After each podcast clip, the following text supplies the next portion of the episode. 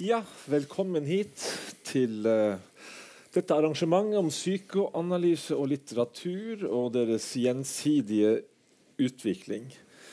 Uh, vi er nesten panskandinavisk i kveld. Vi har vært så heldige å fått Ulf Karl Olov Nilsson, alias Ukon, hit til Bergen. Han skal også være her i morgen i forbindelse med den norske oversettelsen av utvalgte dikt under tittelen 'Forklaringsopplysningene'. Det skjer vel nede i boksalongen, det, så vidt jeg vet.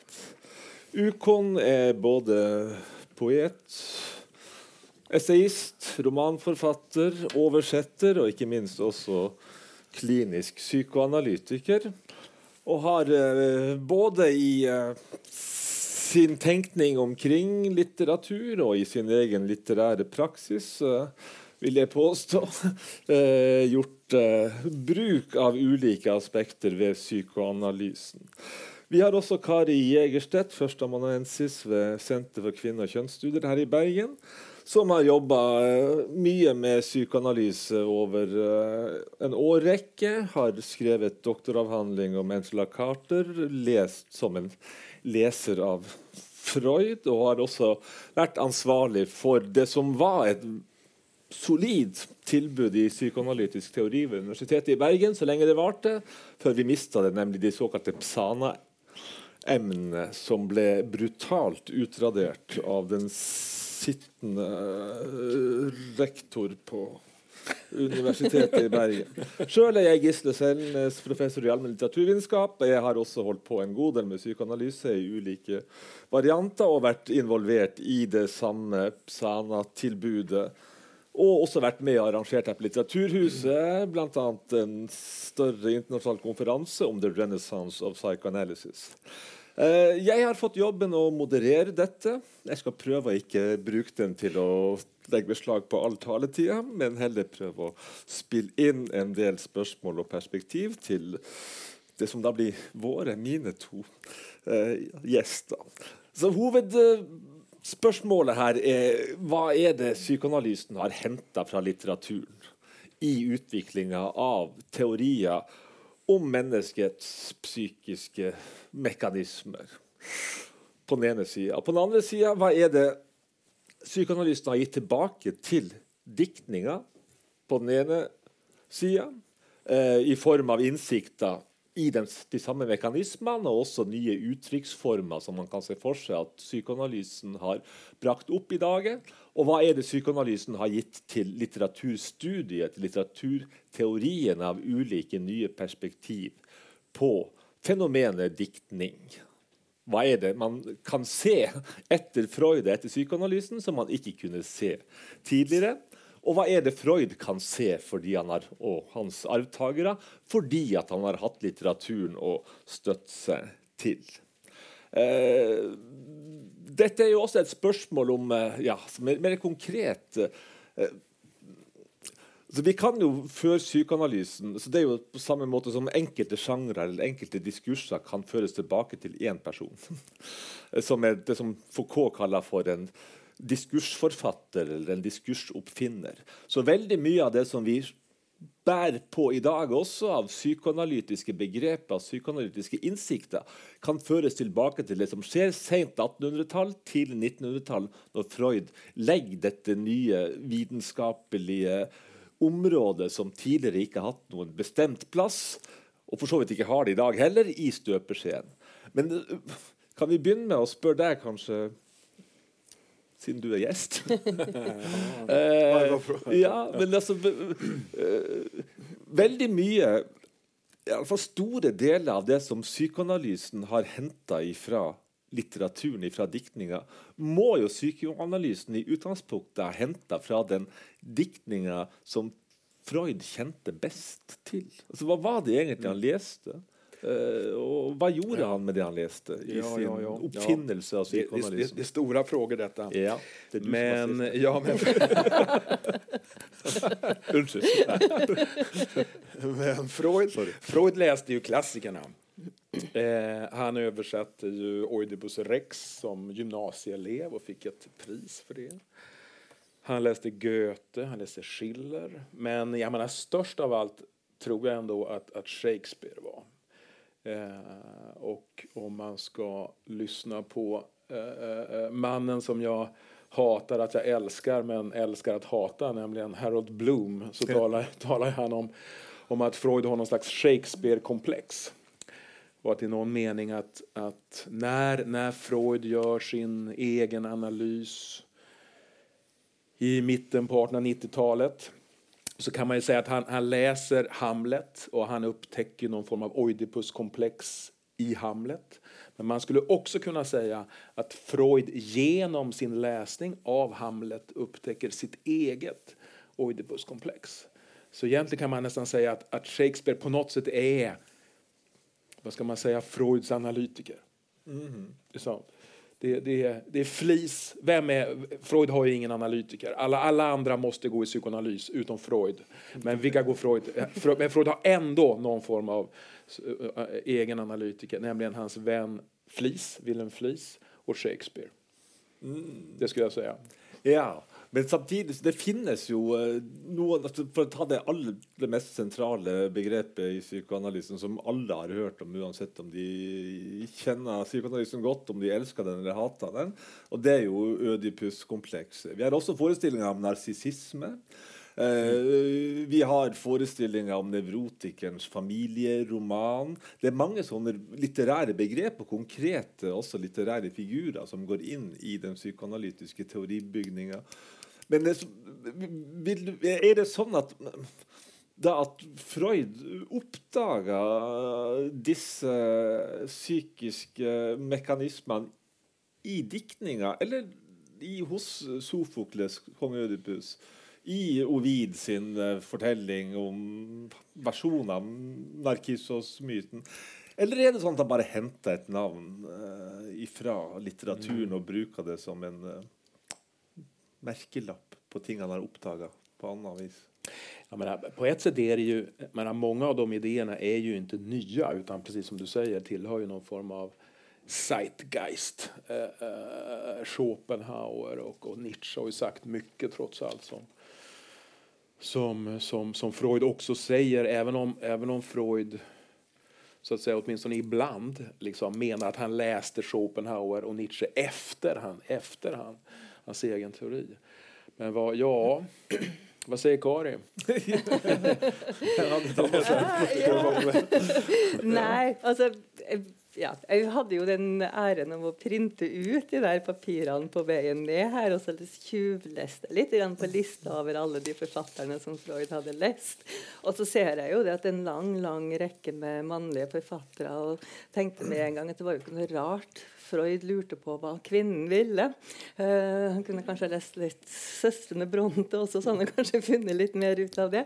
Men selvfølgelig, altså, han eksisterer jo sånn så uavhengig av hvilke forfattere han har lest og ikke har lest, så, så opererer han jo i en sånn kulturell forestillingsverden hvor det er noen uh, verker, noen forestillinger, noen litterære figurer, noen filosofiske tanker som, som uh, er tilstedeværende, og som selvfølgelig finner igjen i Freud veldig mye.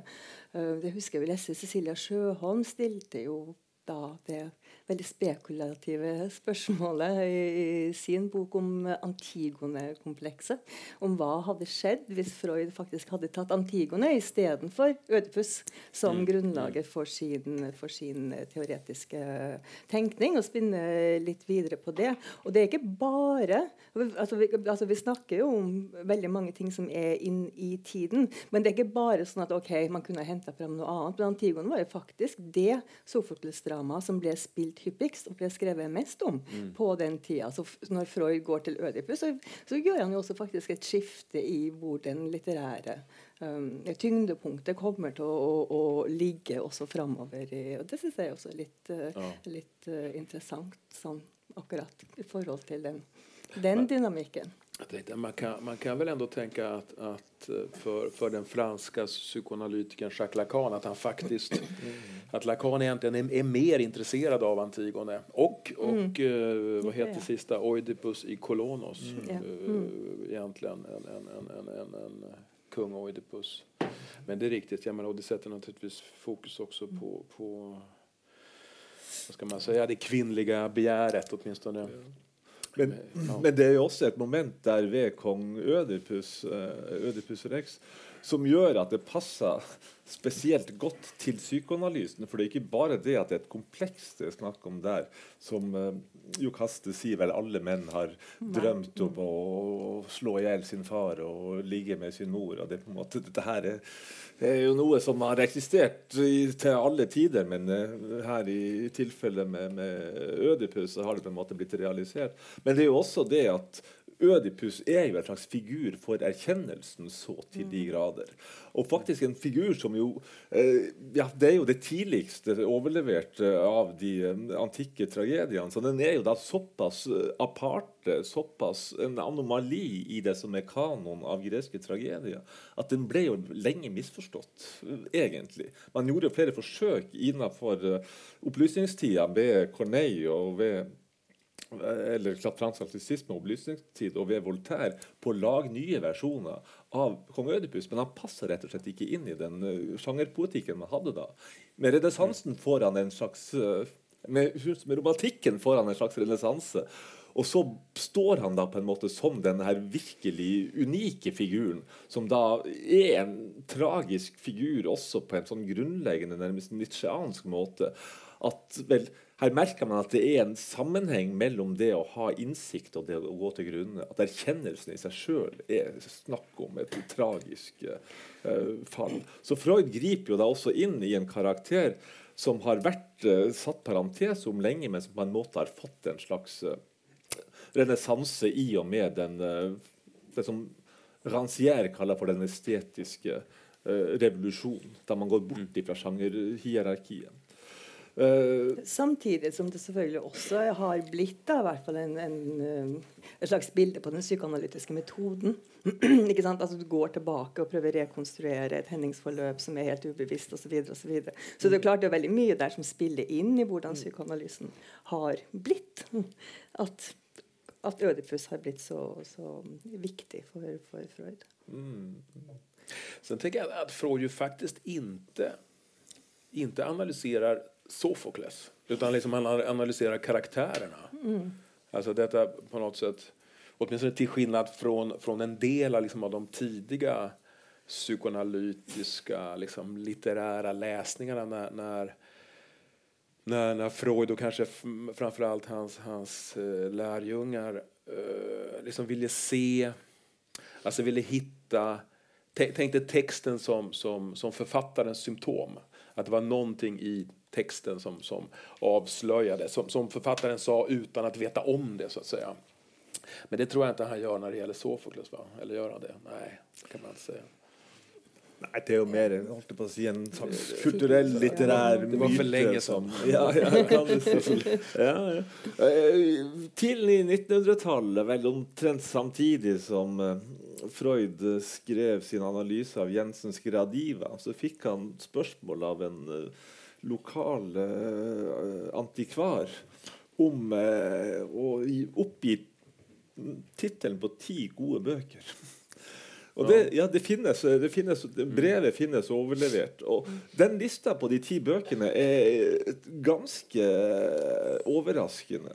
Der finner du ingen av de store verkene som du snakker om. Du finner verken Shakespeare Fins det noen kvinner? Fins ingen kvinner. Nei, du har Mark Twain. Eh, du har uh, Kipling. Du har et relativt ukjent verk av Sola. Og så har du en del Du har en uh, biografi om, om, Leonardo da Vinci. Uh, og noen ja, brevveksling fra sånne halvkjente forfattere. Men Freud er jo da også ganske påpasselig med å si at vel, som analytiker så har han da psykoanalytiker, så har han forholdt seg veldig eh, presist og analytisk til spørsmålene han har fått. Nevn ti gode bøker. Altså Ikke de ti beste bøkene, Nei.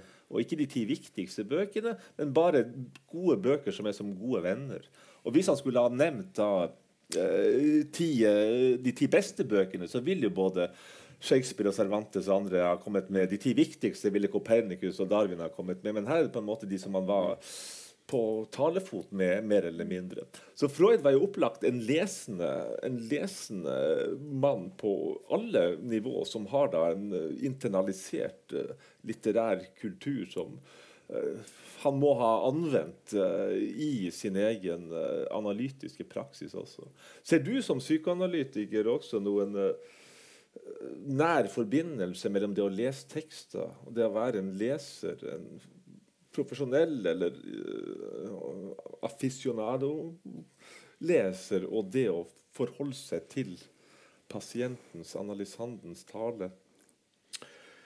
Eh, ja, det fins jo jättemånga likheter mellom att både att skriva och att läsa och att jag skulle säga både att, att bedriva psykoanalys, att gå i psykoanalys och att, och att psykoanalytiker. Um, ja, men det uppenbara är väl att, att alltså, i princip så kan man väl säga att, att alla mänskliga problem på något sätt är språkliga problem. Att det blir liksom missförstånd i språket, att symptomen yttrar sig i språk på något sätt. Eh, och att en, en, en, läsande och skrivande person på något sätt kan ändå, ändå liksom förstå någonting kring jag vet inte, vissa delar lite mer än, än, än, än de som inte läser kring vad språk är för någonting. Eh, man kan också tänka sig analysanden, alltså patienten som någon form av textproducent och där, där analytikern kan sägas vara redaktör.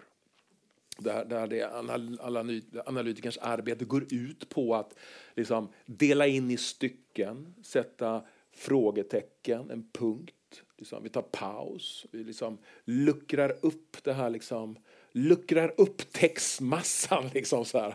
En hjälp med redigering, en hjälp med textredigering helt enkelt. Ehm, stryker under vissa grejer, kursiverar eh, och så vidare. Ehm, ja, var det så? Ja. Sen tänker jag också att, att, att i en... Eh, jag tänker... eh, men i, I ett analytiskt arbete att det ändå... Jag tycker ändå att det måste ingå... Dels att man talar när man... Jag menar, psykoanalysen går ju via rösten och talet. Mm. Så att mm. säga. Men, men jag tycker nog att en, i en analys så måste det också försiggå läsande och skrivande. Att man på något sätt ändå läser någonting ibland mm. och funderar över det. Och att man skriver någonting ibland. Jag har en del av mina analysander som de läser ingenting. Ingenting. Eh, och jag försöker uppmuntra dem att läsa. Nu kan vi läsa liksom lite grann, så, men det går, det är trögt. men också för att komma tillbaka till det där spörsmålet om litteraturen sin i i sin egen analys, om det var litteraturen som han analyserte han, eller han som analyserte litteraturen, så har jo også det med sånn, altså hvordan på en måte Sannheten i psykoanalysen er veldig tett knytta til et arbeid med språket og språklighet. Freud var jo også veldig opptatt av uh, å prøve å, å, å, tenke rundt hva som var det vitenskapelige grunnlaget for psykoanalysen. Og tenke at psykoanalysen var en helt ny form for vitenskap, hvor man faktisk ikke kunne bevise ting på samme måte som vitenskapen ja. kunne gjøre. Man ikke kunne observere ting på samme måte som, som vitenskapen skulle gjøre. Uh, og når man da jobber med den type ting, altså det ubevisste, den type forestillinger, så er det jo ikke så rart at han nettopp går til litteraturen for å finne den, altså mm. materialet som man kan jobbe med i sin teoridanning og sin, sin, sin praksis. Mm, mm. Uh, og det er jo nettopp den der språkligheten tror jeg, som er avgjørende mm, mm. i også jobben med med litteratur. Ja, språkligheten er jo én ting. Den andre sida er jo det at Freud sier jo helt klart at uh, dikterne har vært der før han. Så det er ikke bare sånn at han henta Ødipus-kompleks og Narsissos osv. fordi at uh, han har lest om det og hadde et sånn behov for å hente inn en språklig merkelapp. Men det er også fordi at uh, litteraturen, diktninga, har jobba med de samme problemene, ikke systematisk, ikke vitenskapelig, men på en måte som, som, psykoanalysen er nødt til å ha et visst gehør mm. for. Også fordi at i bunn og grunn så er det den samme tematikken, den samme problematikken man er interessert i, bare at man har ulike innfallsvinkler uh, til det. Og det, også, det, finnes jo også enkelte forfattere som ja, det jo, har vært motstand mot uh, psykoanalysen. Den, det finnes jo overalt blant uh, vanlige folk, blant akademikere, blant forfattere også.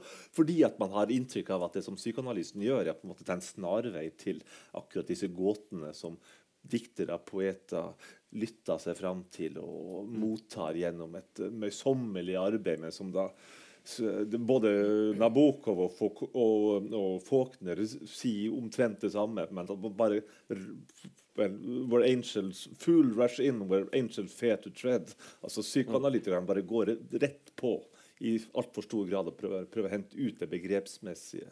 Skulle du si ja, noe helt konkret? Jeg skulle bare si ja. noe helt sånn, bare forlengelsen av Ødipus eh, og, og den språkligheten og at det han har lest og han har oversatt det osv. osv.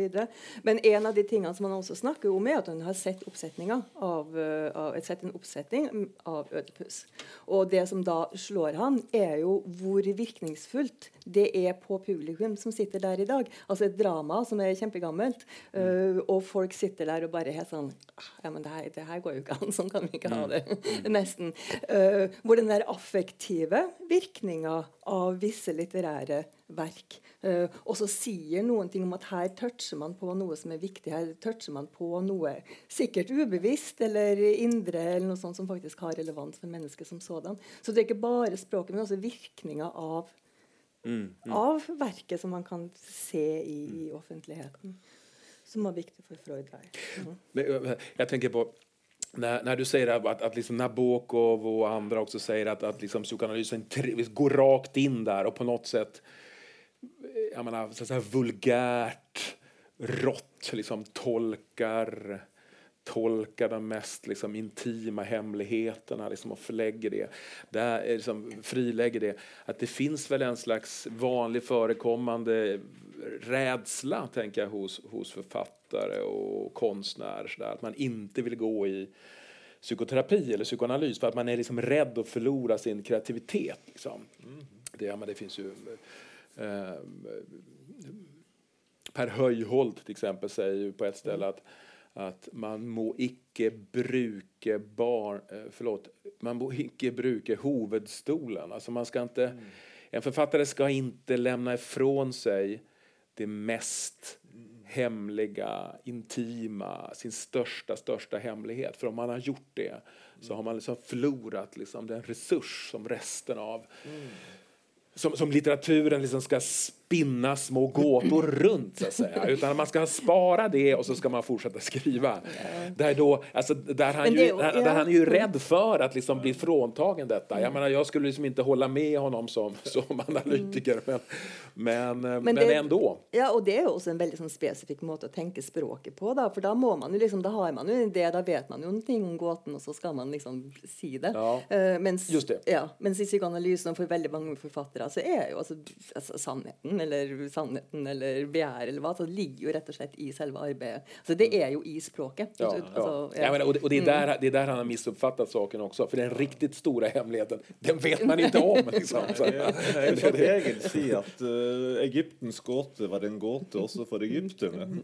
Ja. Selve gåten er at man ikke fant svaret, og de har ikke svaret. Så det er på en måte spørsmålet som er overlatt til oss. Så det er det som er gåtens svar. Ellers er det jo dette med Symptomet er jo også en form for nytelse. Altså, men symptomet er jo noe som slår ut pga. en uh, kortslutning i det som skulle ha vært uh, en mer indre flyt i begjærstrømmer osv. Men samtidig så er jo symptomet noe som du kan hekte deg på, som du kan nyte i en viss forstand. Og Mister du symptomer, så kan du også i en viss grad altså, miste kreativiteten.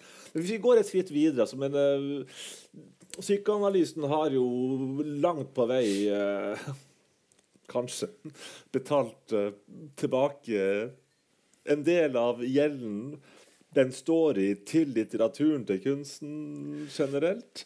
Eh, hva kan vi si eh, sånn generelt innledningsvis? Kanskje Kari først. Eh, hvem var det som leste Freud, og hvorfor gjorde de det, og hva fikk de ut av det?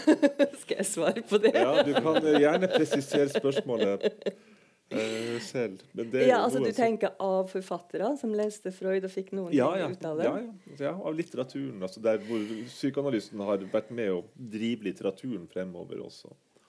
Til det den har blitt i dag. Altså Det er jo veldig mange. og Jeg aner jo ikke helt hvor jeg skal begynne hen. Uh, sånn sett. Men jeg vil jo nevne Virginia Woolf som et helt opplagt eksempel på en som, som uh, sto midt oppi det. Uh, også når, når Freud sine verker ble oversatt. ikke sant? Og har jo henta veldig mye inspirasjon fra den måten å tenke på og skrive på osv. Så, videre. så vi kan jo godt begynne der. Altså, men så har vi jo hele den norske. Sigurd Hoel og gjengen rundt der hvor psykoanalysen betydde veldig mye. Så får vi Marguerite Rass litt senere, som selvfølgelig Lacan er veldig opptatt av, som også jobber psykoanalytisk. Men det er en hel haug med folk som, uh, som, uh, gjør, som, gjør, det. Jeg kan jo også snakke om Angela Carter, f.eks. Men som har en helt, helt annen innfallsvinkel til, til Freud og psykoanalysen. Um, og som hun fikk ved å lese altså Case Stories, som hun syns var de beste romanene hun noensinne har lest. Som var fantastisk uh, fascinerende. Uh, og som også da er veldig opptatt av hvordan også hvordan psykoanalysen sier noen ting om våre kulturelle, ubevisste og kulturelle forestillinger. Uh, som i tillegg er veldig kjønna, veldig patriarkalske osv. Og, så videre, og som bruker Freud både i en sånn kritikk av Freud Jeg vil jo si at hennes verker kanskje også kan være en sånn psykoanalyse av Freud. sånn Veldig parodisk analyse av psykoanalyse psykoanalysens uh, livmormisunnelse, f.eks. Mm. Uh, og lage teorier om det, men som samtidig bruker psykoanalysen for det, det den er verdt, nemlig fordi at den kan si noe om det, om det ubevisste, uh, og hvordan, hvordan mm. det, det fungerer. Um, Surrealistene må han vel også til? Ja, selvfølgelig. Og Angela Carter er selvfølgelig veldig inspirert av surrealistene. Ja. Mm. ja. de var jo tidlig opptatt av uh, Freud, og André Breton, som var leder, hadde vel også sitt lille møte med, Bre med Freud, men det var ikke noen ubetinget suksess.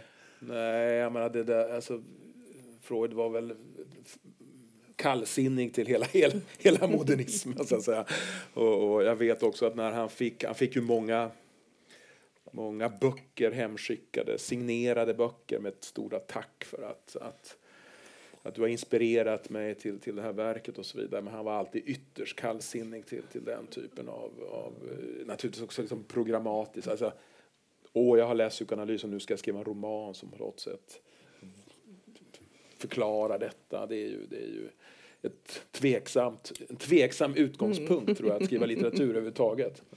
Ja, Han er jo skrevet inn i Bretons sitt surrealistiske manifest, men da som den som er på en måte ja. som sjelslivets byråkrat, nærmest. Så man prøvde jo å nærme seg Freud, for at man så særlig drømmetydningen her som et slags innblikk inn i det ubevisste sjelslivet og noen som har virkelig vært der og, og avkoda mange av de mekanismene som fungerer i drømmelivet, som da minner veldig mye om hvordan en viss type litteratur kunne blitt skrevet, og hvordan surrealistene ville skrive den. Men så finner du ut at in real life så er Freud en meget tilkneppet og, og, og like lite holdt jeg på å si, spontan Eh, det, det, är också, också, också påtagligt att, att, uh, vissa verkligen inte har läst Freud. Om man tänker på, på Marcel Proust till exempel, som ju uppenbarligen inte läste Proust, äh, Freud.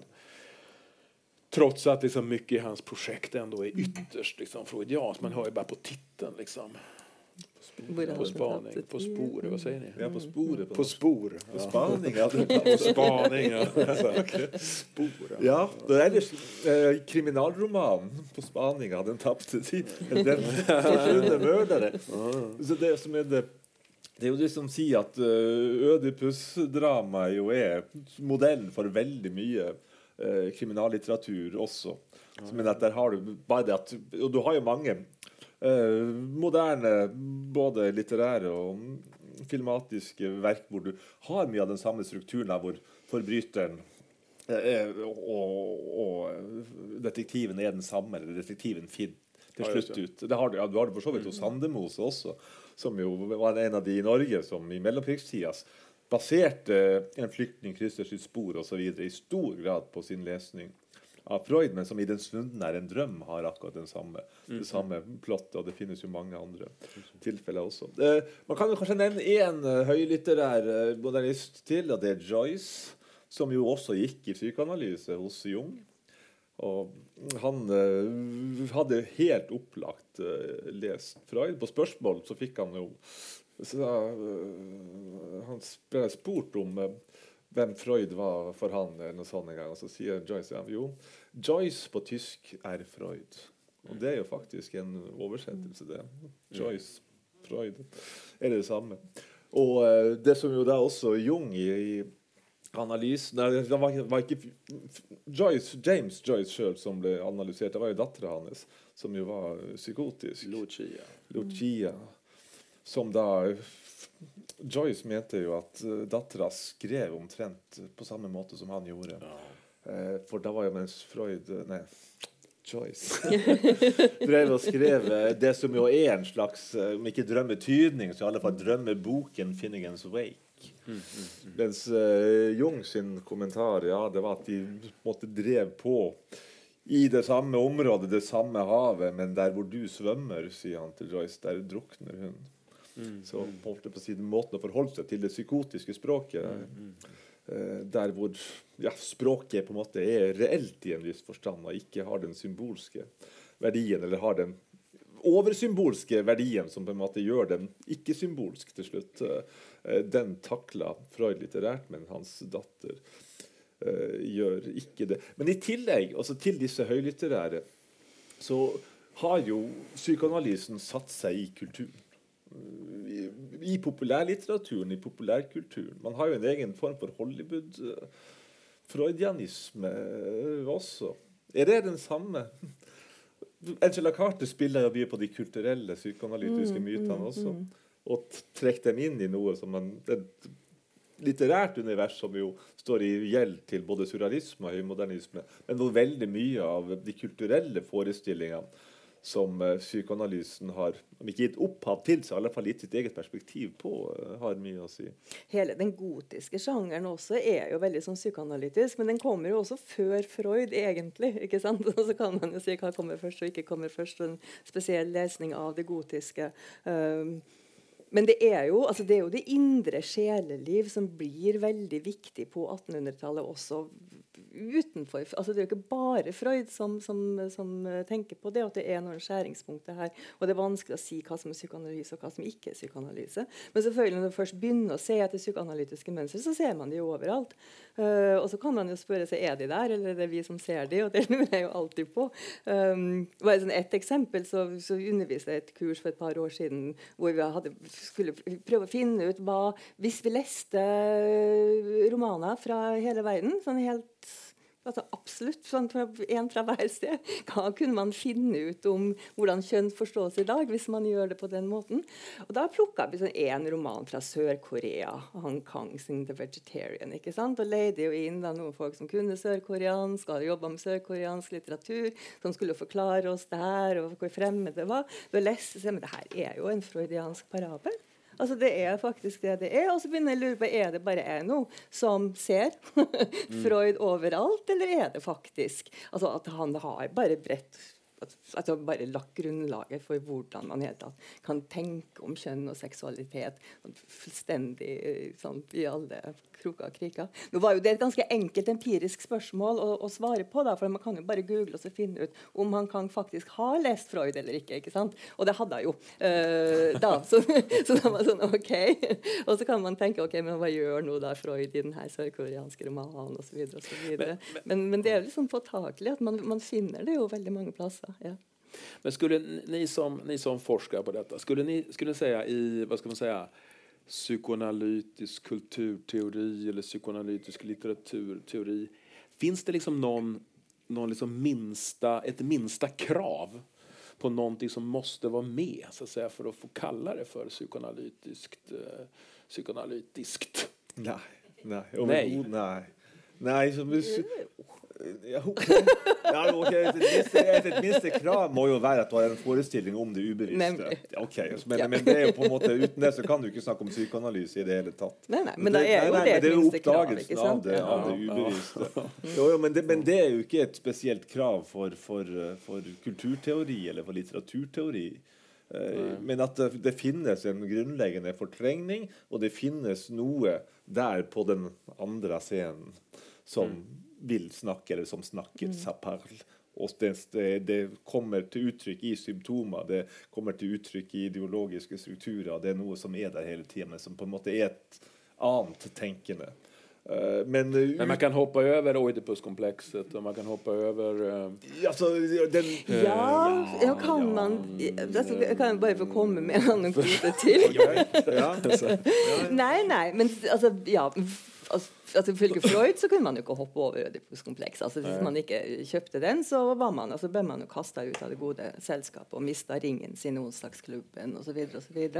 Uh, men men Ødipuskomplekset er jo også altså, er jo grunnlagt i en veldig kristen far-sønn-problematikk som er veldig spesifikk for en vestlig forståelse. Uh, og Spørsmålet er jo om da, hvis man faktisk skal bruke psykoanalysen litt sånn bredere i forhold til ok, hva, ubevisste strukturer med utgangspunkt i at det ubevisste faktisk eksisterer flere plasser enn i, i Vesten, så må man kanskje gi slipp på, på akkurat Ødipus-komplekset. Uh, og Gayatri Spivak har jo en fantastisk lesning av, uh, av en, um, en, novelle av den indiske forfatteren Maswata Devi. Uh, hvor hun da også leser fram et slags sånn brudd på et tabu i forhold til en sånn ubevisst struktur, altså the, the, the breast giver, som hun leser på veldig mange forskjellige måter.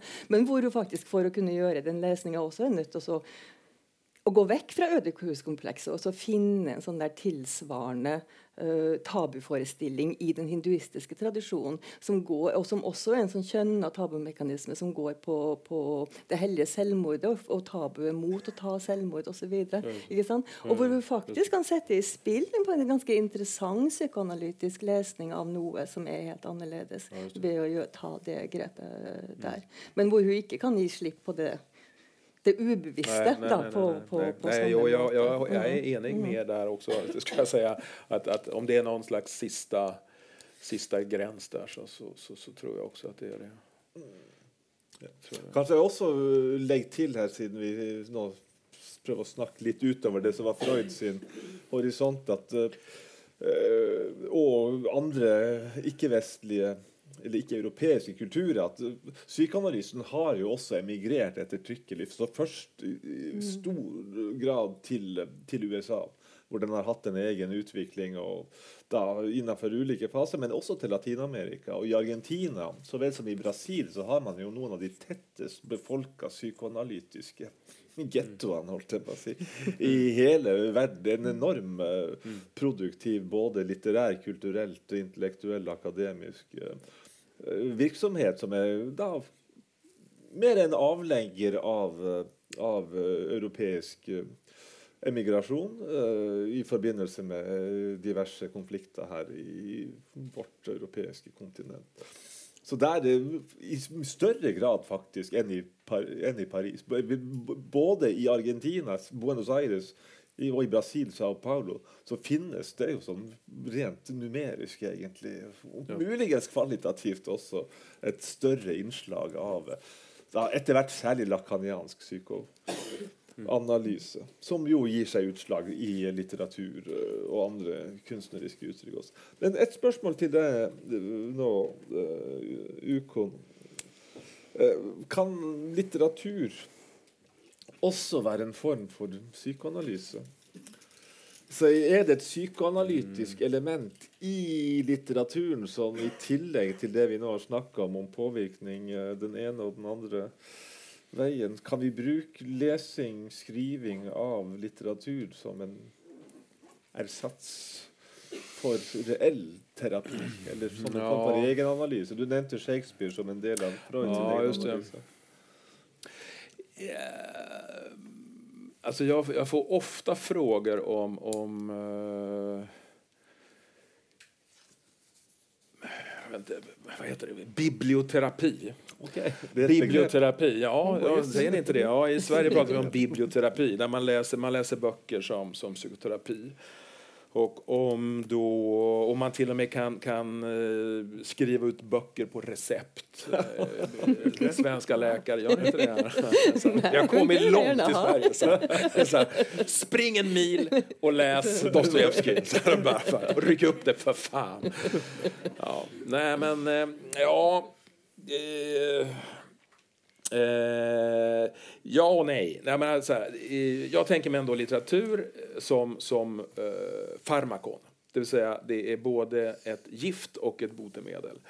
Och det är definitivt ingen... Jag menar, vi vet, det finns ju massa exempel också där, där man har läst böcker och det inte har, har, har i någon slags rationell mening gått speciellt bra. Det mest kända är väl ändå är väl ändå den, den unge Werther och, och själv. Madame Bovary. Madame Bovary. Ja, ja.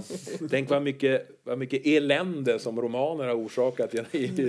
vad mycket bättre världen förmodligen skulle vara om vi, om vi inte hade litteratur. Eh, men nu råkar vi ha det.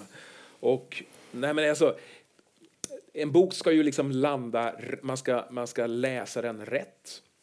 Eh, den ska landa rätt snarare. Så att säga.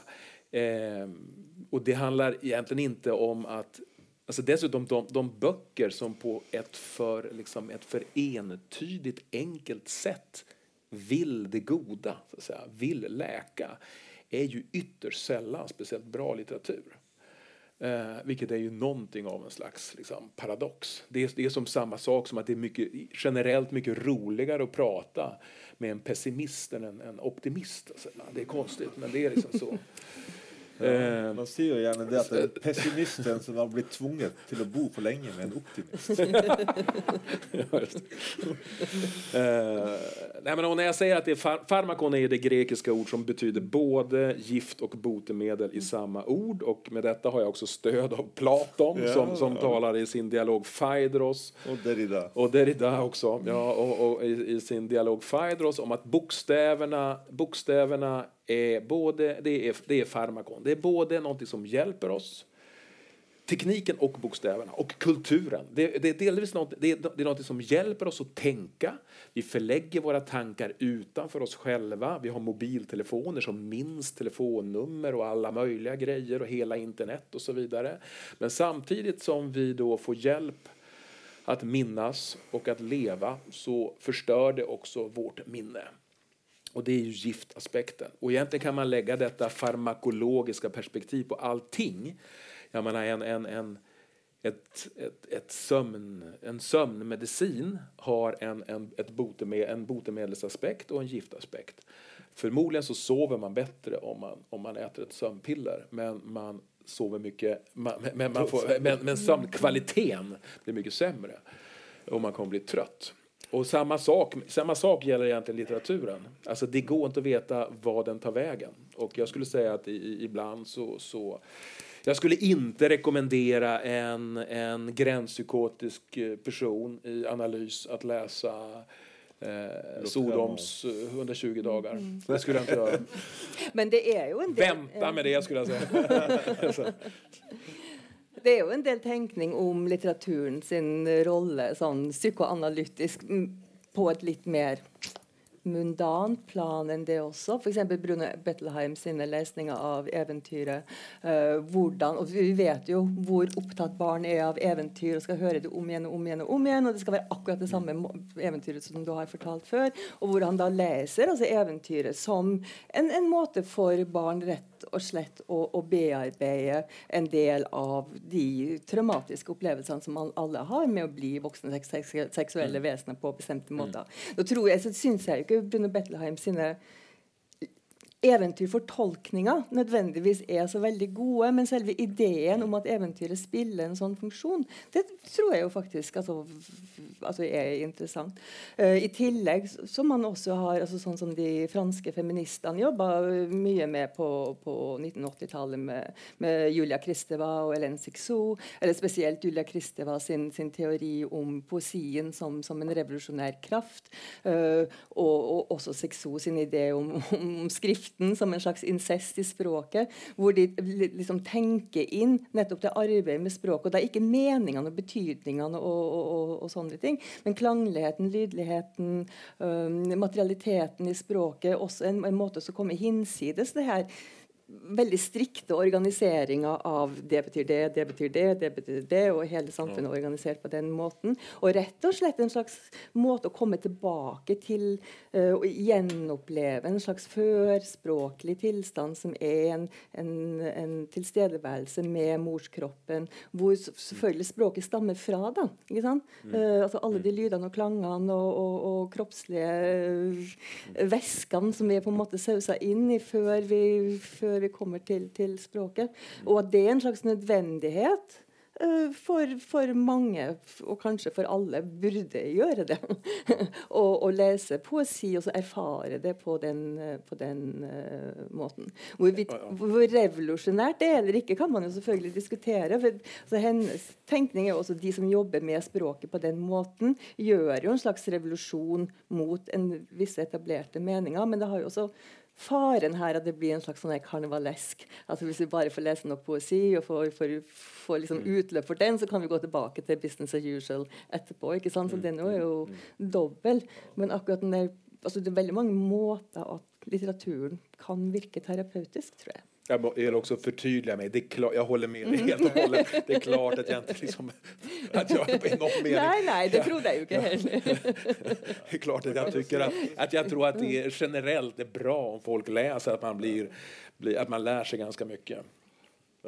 Lacan sitt begrep for det samme tar jo litt av brodden ut av det revolusjonære. Det er jo da la lang i et ord, hvor da du har la-la. Mm.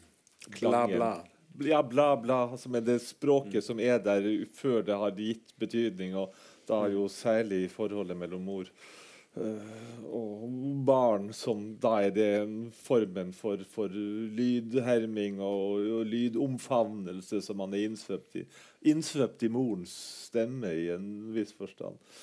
Men det er klart det er et lite skritt fra revolusjon i det poetiske språket til la-lang. Hvor da mm. selvsagt la-la skal høres ut som den tralala. Syns det var en veldig revolusjonær tanke. Men, eh, men eh, jeg hadde så uh, Ukon, du er jo også poet, men du er en veldig beskjeden mann, så du vil ennå ikke snakke om din egen diktning her. Jeg har lyst til å spørre deg, bare siden, siden du er i dette panelet. Jeg skal jo prate om det i morgen. Skal, Håper jeg at alle kommer. Du, nei, men, ja, jo, ja, men du får ikke dette spørsmålet i morgen, uh, tror jeg. Så, men, uh, så, nå var det jo spørsmålet som kan litteraturen også være en form for psykoanalyse. Altså, jeg har lest en god del av ditt forfatterskap, både essays og, og, og lyrikk. Og det slår meg at i ganske mange av dine dikt så har du en form for psykoanalytisk idé eller et psykoanalytisk konsept som er med. Det er en slags, form, en slags konseptpoesi i en viss forstand. Den er repetitiv, og du skriver på en måte fram eh, et subjekt gjennom mekaniske gjentagelser og permutasjoner av enkle språklige eh, system. Det er jo litt sånn hos Lacan også. Subjektet oppstår på et eller annet sted når systemet får gjentatt seg sjøl og møter en slags indre uh, deadlock. Hos deg så har du, du har åpningsdiktet i synopsis som heter 'Det panegyriske', eller også denne boka som heter 'Handlingene', så går det og går det og går det med at en skal gjenta at det aller beste i hele verden, det er det ene og det andre. Og så blir det aldri slutt.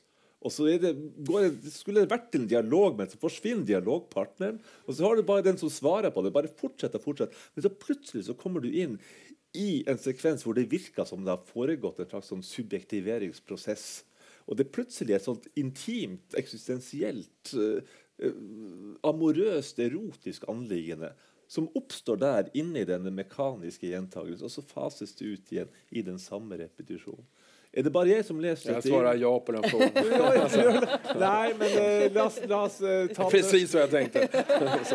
la oss ta det tilbake til begynnelsen. Altså, har du, så, du, har det jo i dine essays, for du skriver jo en god del om psykoanalyse og psykoterapi. Men er det der også på samme Ikke på samme måte, men på hvilken måte, hvis det er der, er det der i din lyrikk? Jo, neimen uh, Altså, jeg har, jeg har visserligen några dikter som handlar, som handlar om psykoanalys. Jag har en, en, en, en dikt tillägnad Freud på hans 150-årsdag. Så att säga. Jag har skrivit några dikter som handlar om, om Freuds alla fallbeskrivningar, Vargmannen och så vidare, Råttmannen, Lille Hans och sådär. Men, men jag tänker ändå att det inte alltså att det inte liksom dikter som handlar om psykoanalys i princip utan att det är mer men som har någon form av ja, men snarare liksom iscensätter någonting kring en psykoanalytisk antingen idé eller flera idéer. Jag, jag, en bok som jag gav ut nu i, i höstas heter, heter Röstautograferna och handlar om vad en röst är, en stämme. Det är för övrigt en bok som har en stark bergensk koppling eftersom jag har, har, har föreläst här på författar... Vad heter det? Författar... Skriv i Kunstakademiet såklart. Och hållit en föreläsning om just stämmen. Så jag också var tvungen att, liksom att arbeta om den här eh, essän hela tiden när jag kom tillbaka. Eh, och jag har varit här, tror jag, åtta, åtta år kanske, sju, åtta, nio år. Uh, och sen kom jag på att jag hade en massa andra saker att säga också. Jag menar, psykoanalysen har en hel teori om rösten. Uh, där, där, och den handlar, men den handlar inte heller om psykoanalys. Däremot så tänker jag att det är en slags uh, den, det, det, är en iscensättning av en psykoanalytisk rörelse. Liksom, den är associativ och, och håller på med någon slags antli, ant, antingen en jag vet inte om det, är en, om det är en fri association eller om det är en kontrollerad disassociation. eh, men någonting av det tror jag det är. Mm. Jeg fikk du pensa det bort fra din egen lyrikk Men jeg syns også at jeg hører jeg synes jeg hører analytikerens lyttende øre i mange av disse gjentatte, funne setningene, de repetitive setningene i din lyrikk. Altså. dette her er lyttingens poesi også. Ja. Ja, du, nei, nei. nei, men det, da kan vi, vi begynne Vi har ikke så veldig lang tid igjen. Jeg tenkte jeg skulle spørre Kari uh, nå, Så vi har jo egentlig to punkter igjen. Vi kan kanskje kondensere To av fire? ja, altså, to, to, av fem, cirka. Men uh, vi kan uh, Det er jo sånn at de, alle vet, de som mm. skriver i aviser og sånn, at det minst viktige kommer til slutt. For det er der man kutter. Uh, man har jo nå etter hvert uh, godt og vel uh, eh, 100 år med psykoanalytisk historie og litteratur, eller i alle fall ja, estetikk i en viss forstand, språkforståelse, har vært der hele tida. Kunne man i et fugleperspektiv eller ved et punktnedslag si noe om når det gjelder psykoanalyse og litteratur, står vi i dag på et helt annet sted enn det man gjorde tidlig 1900-tall, da psykoanalysen var ny. Er psykoanalyse og litteratur en kommensurabel konstellasjon den samme konstellasjonen i dag som det var for 100 år siden, eller ser den helt annerledes ut? Tenker man helt annerledes om litteratur i forhold til psykoanalyse og vice versa i dag enn det man gjorde da dette var nytt? Det vil jeg jo tro. Um, altså det er jo også et veldig stort spørsmål. Men altså litteraturvitenskapen har jo også kommet etter det da, på, på, en, helt, uh, på en, helt, annen uh, måte. Vi snakka jo litt om det før. Altså, hva er den nye litteraturvitenskapelige psykoanalysen. Og Jeg er ikke så sikker på om det har skjedd så mye akkurat der, men vi hadde jo et veldig stort skifte på 80-tallet, uh, eh, hvor man gikk vekk fra forestillinga om det man skulle psykoanalysere forfatteren, at verket var en eller annen sånn symptom på, på, noe ubevisst hos forfatteren osv., eller at man psykoanalyserte da de ulike karakterene i en roman for å finne liksom underliggende motivasjoner og begjærsstrukturer hos de, til å mer tenke at det man faktisk snakka om, var tekstligheten, språkligheten, eh, møtet mellom tekst og leser, hvor det psykoanalytiske overføringsbegrepet f.eks. er vist seg uh, kjempenyttig. Eh, og jeg tenker jo også bare sånn der, altså John Kopchek sin bok fra 2004, altså 'Read My Desire'. ikke sant? Altså det å prøve å lese et ubevisst begjær ut av en form for tekstlighet og, og, og språklighet, som er en sånn litt annen innfallsvinkel enn det, enn det, man, hadde, det man hadde før. Uh, men så, samtidig så tror jeg jo det er utrolig viktig å tenke på nytt igjen en del av grunnforutsetningene for psykoanalysen slik den har utvikla seg innenfor en, en uh, vestlig imperialistisk uh, kontekst. ikke sant? og som da også har blitt blitt veldig mye større spørsmål kanskje i, i, i, i, vår egen tid. Og at man ikke kan drive psykoanalytisk litteraturforskning på samme måte nå lenger som man da Nei. kunne i for en del, del år siden. Samtidig som man kan jo også tenke at ja, Kristeva som sier det igjen, altså at, at, Freud er på en måte uh, modernitetens tenker. Da, altså, Han tenker jo det traumatiske i det moderne. Uh, er vi fremdeles i moderniteten? Er vi i det postmoderne? er vi i det posthumane? Altså Hvordan hele mennesket forandrer seg i møte med nye teknologier. altså både både altså Internett osv. osv. så Krista var jo også der New Melodies of the Soul. ikke sant? Altså, hvordan vi, vi, rett og slett ikke har de samme traumene. Men, men altså, vi har en, en, syke som er helt uttømt av, av, nye teknologier. Hvilken rolle spiller psykoanalysen da? Men jeg tenker også med hjerneforskning, nevrovitenskapen, som men hvor vi gjennom hvilket også psykoanalysen har fått et slags nytt liv. da, uh, Gjennom sånn neuropsychoanalysis som er uh, ganske stort. og Som Siri Hustvedt bl.a. jobber veldig mye med, med, med litterært. Uh, så det vil jo være helt andre typer spørsmål tror jeg, som åpner seg opp hvis man tenker psykoanalysen både globalt og posthumant enn det som var Freud sine, sine spørsmål. Jeg tenker at, at, at om om världen ändå, låt säga, du sa många bra saker, men, men, tre saker till så att säga, som, mm. som ändå skiljer sig från hundra år sedan. Alltså dels att det finns att det är en, en, en, en ändå hänsynslöst narcissistisk värld på ett annat sätt. Där, vad ska man säga, en ytlig värld och en narcissistisk värld som också är helt upptagen av det äkta. Så jag menar, 95 procent av alla popsånger handlar om att man ska vara sig själv. Så säga. Och samtidigt som den är så ytlig. Dels det. Och det andra är liksom den här stora... Ja, men att, det, att förbudet mot njutning nydelse eller vad det heter, för, ha, ha ersatts av ett påbud eller en uppmaning till njutning. Enjoy. Enjoy, precis, utropstecken. Där, där, alltså idén om liksom den sexuell, sexualbortträngningen helt liksom inte är där på samma sätt. Och där, alltså egentligen bortträngning, fördräng, hur översätter ni fördrängning? Är det bortträngning? Det är förträngning. Förträngning, ja. Mm där, där, där, där, förträngning har ersatts av förnekelse, då, alltså förleugnung kan man säga. Mm. Och där jag tycker att, att, eh, att, att Rilke, Rainer Maria Rilke i en av sina Duino-elegier, liksom, vad ska jag säga, han, han, han visar liksom på två olika slags, slags lidande. Lidandet som är hitom hämningen och bortom hämningen. Det vill säga det nevrotiska lidandet är, så här skriver, så här skriver Rilke, varken det rena förlitets ännu inte eller det tomma för myckets inte längre. Alltså, det som är på nevrosens sida, på hämningens sida, det är rent, jag är ren. Det är för lite, jag vill ha det och jag har ännu inte fått det.